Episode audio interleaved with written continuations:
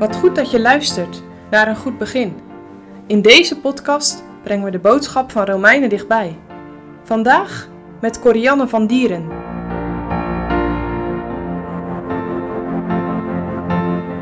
Vandaag lezen we Romeinen 11, vers 11 tot 24. Paulus zegt: Zo zeg ik dan. Hebben zij, de Joden, gestruikeld opdat zij vallen zouden? Dat zij verder. Maar door hun val is de zaligheid de heidenen geworden, om hen tot jaloersheid te verwekken. En indien hun val de rijkdom is der wereld, en hun vermindering de rijkdom der heidenen, hoeveel te meer hun volheid? Want ik spreek tot u, heidenen, voor zoveel ik der heidenen apostel ben. Ik maak mijn bediening heerlijk.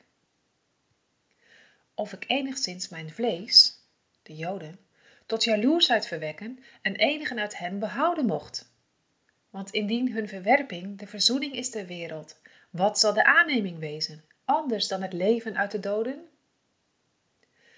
En indien de eerstelingen heilig zijn, zo is ook het deeg heilig. En indien de wortel heilig is, zo zijn ook de takken heilig. En zo enige der takken afgebroken zijn, en gij, een wilde olijfboom zijnde, in dezelfde plaats zijt ingeënt, en de wortel en de vettigheid van de olijfboom mededeelachtig zijt geworden, zo roem niet tegen de takken. En indien gij daartegen roemt, gij draagt de wortel niet, maar de wortel u. Gij zult dan zeggen, de takken zijn afgebroken, opdat ik zou ingeënt worden. Het is wel, zij zijn door ongeloof afgebroken, en gij staat door het geloof. Zijt niet hooggevoelende, maar vrees. Want is het dat God de natuurlijke takken niet gespaard heeft? Zie toe dat hij ook mogelijk u niet sparen. Zie dan de goede tierenheid en de strengheid van God. De strengheid wel over degenen die gevallen zijn, maar de goede tierenheid over u. Indien gij in de goede tierenheid blijft, anderszins zult ook gij afgehouden worden. Maar ook zij, indien zij in hun ongeloof niet blijven, zullen ingeënt worden. Want God is machtig om dezelfde weder in te enten.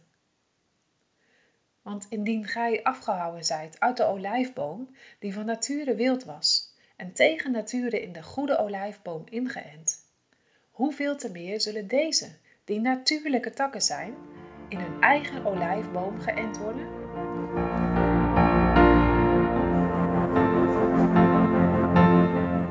Veel Joden wilden niet geloven. Ze verwierpen de Heer Jezus als hun zaligmaker.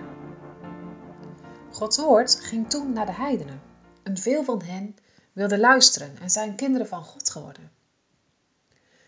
Zijn ze daarom beter? Zijn wij, als christenen uit de heidenen, beter dan het Joodse volk? Paulus gebruikt in het Bijbelgedeelte het beeld van een olijfboom. Gods volk wordt vergeleken met een olijfboom. Een paar takken, dat zijn Joden die niet geloofden, zijn van die boom afgebroken. Op die plek zijn andere wilde takken weer vastgemaakt, geënt. Deze wilde takken, dat zijn heidenen die tot geloof gekomen zijn. Ze zijn vergroeid met die olijfboom en krijgen nu de sappen uit de goede wortel. Israël is die wortel. Christenen uit de heidenen, zoals wij, zijn als takken die aan die wortel zijn vastgemaakt. Het heil, de boodschap van redding, is via Israël tot ons gekomen. En daarom hebben wij geen enkele reden om neer te kijken op het Joodse volk dat nog niet in de Messias gelooft. Want het is waar dat er velen hard en ongelovig zijn toch zal God voor het volk Israël blijven zorgen. Er gaat iets bijzonders gebeuren met Israël. Er komt een tijd dat veel Joden wel zullen geloven. Ze zullen bekeerd worden en de Heer Jezus als hun zaligmaker leren kennen. Als een natuurlijke tak zullen ze weer in hun eigen olijfboom ingeënt worden. Paulus verlangt ernaar. Maar dat niet alleen, hij weet ook zeker dat het zal gebeuren en dat de hele aarde ervan zal horen. Hoe het zal gebeuren, weten we niet, maar wel dat het zal gebeuren. De Heere is getrouw. Hij doet wat hij belooft. Hij maakt zijn werk met Israël af. Omdat de Joden niet geloofden, waren de heidenen aan de beurt. Maar als aan het eind van de wereld overal het woord van God gebracht is en veel heidenen tot bekering zijn gekomen, is Israël weer aan de beurt. En Paulus is zo blij als hij hierover vertelt. Aan het eind van het hoofdstuk kan hij niet anders dan erover zingen. Over de Joden?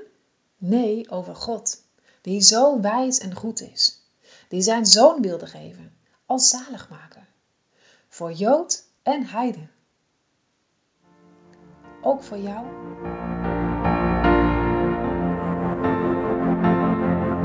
Ben jij al als een wilde tak in de goede olijfboom ingeënt?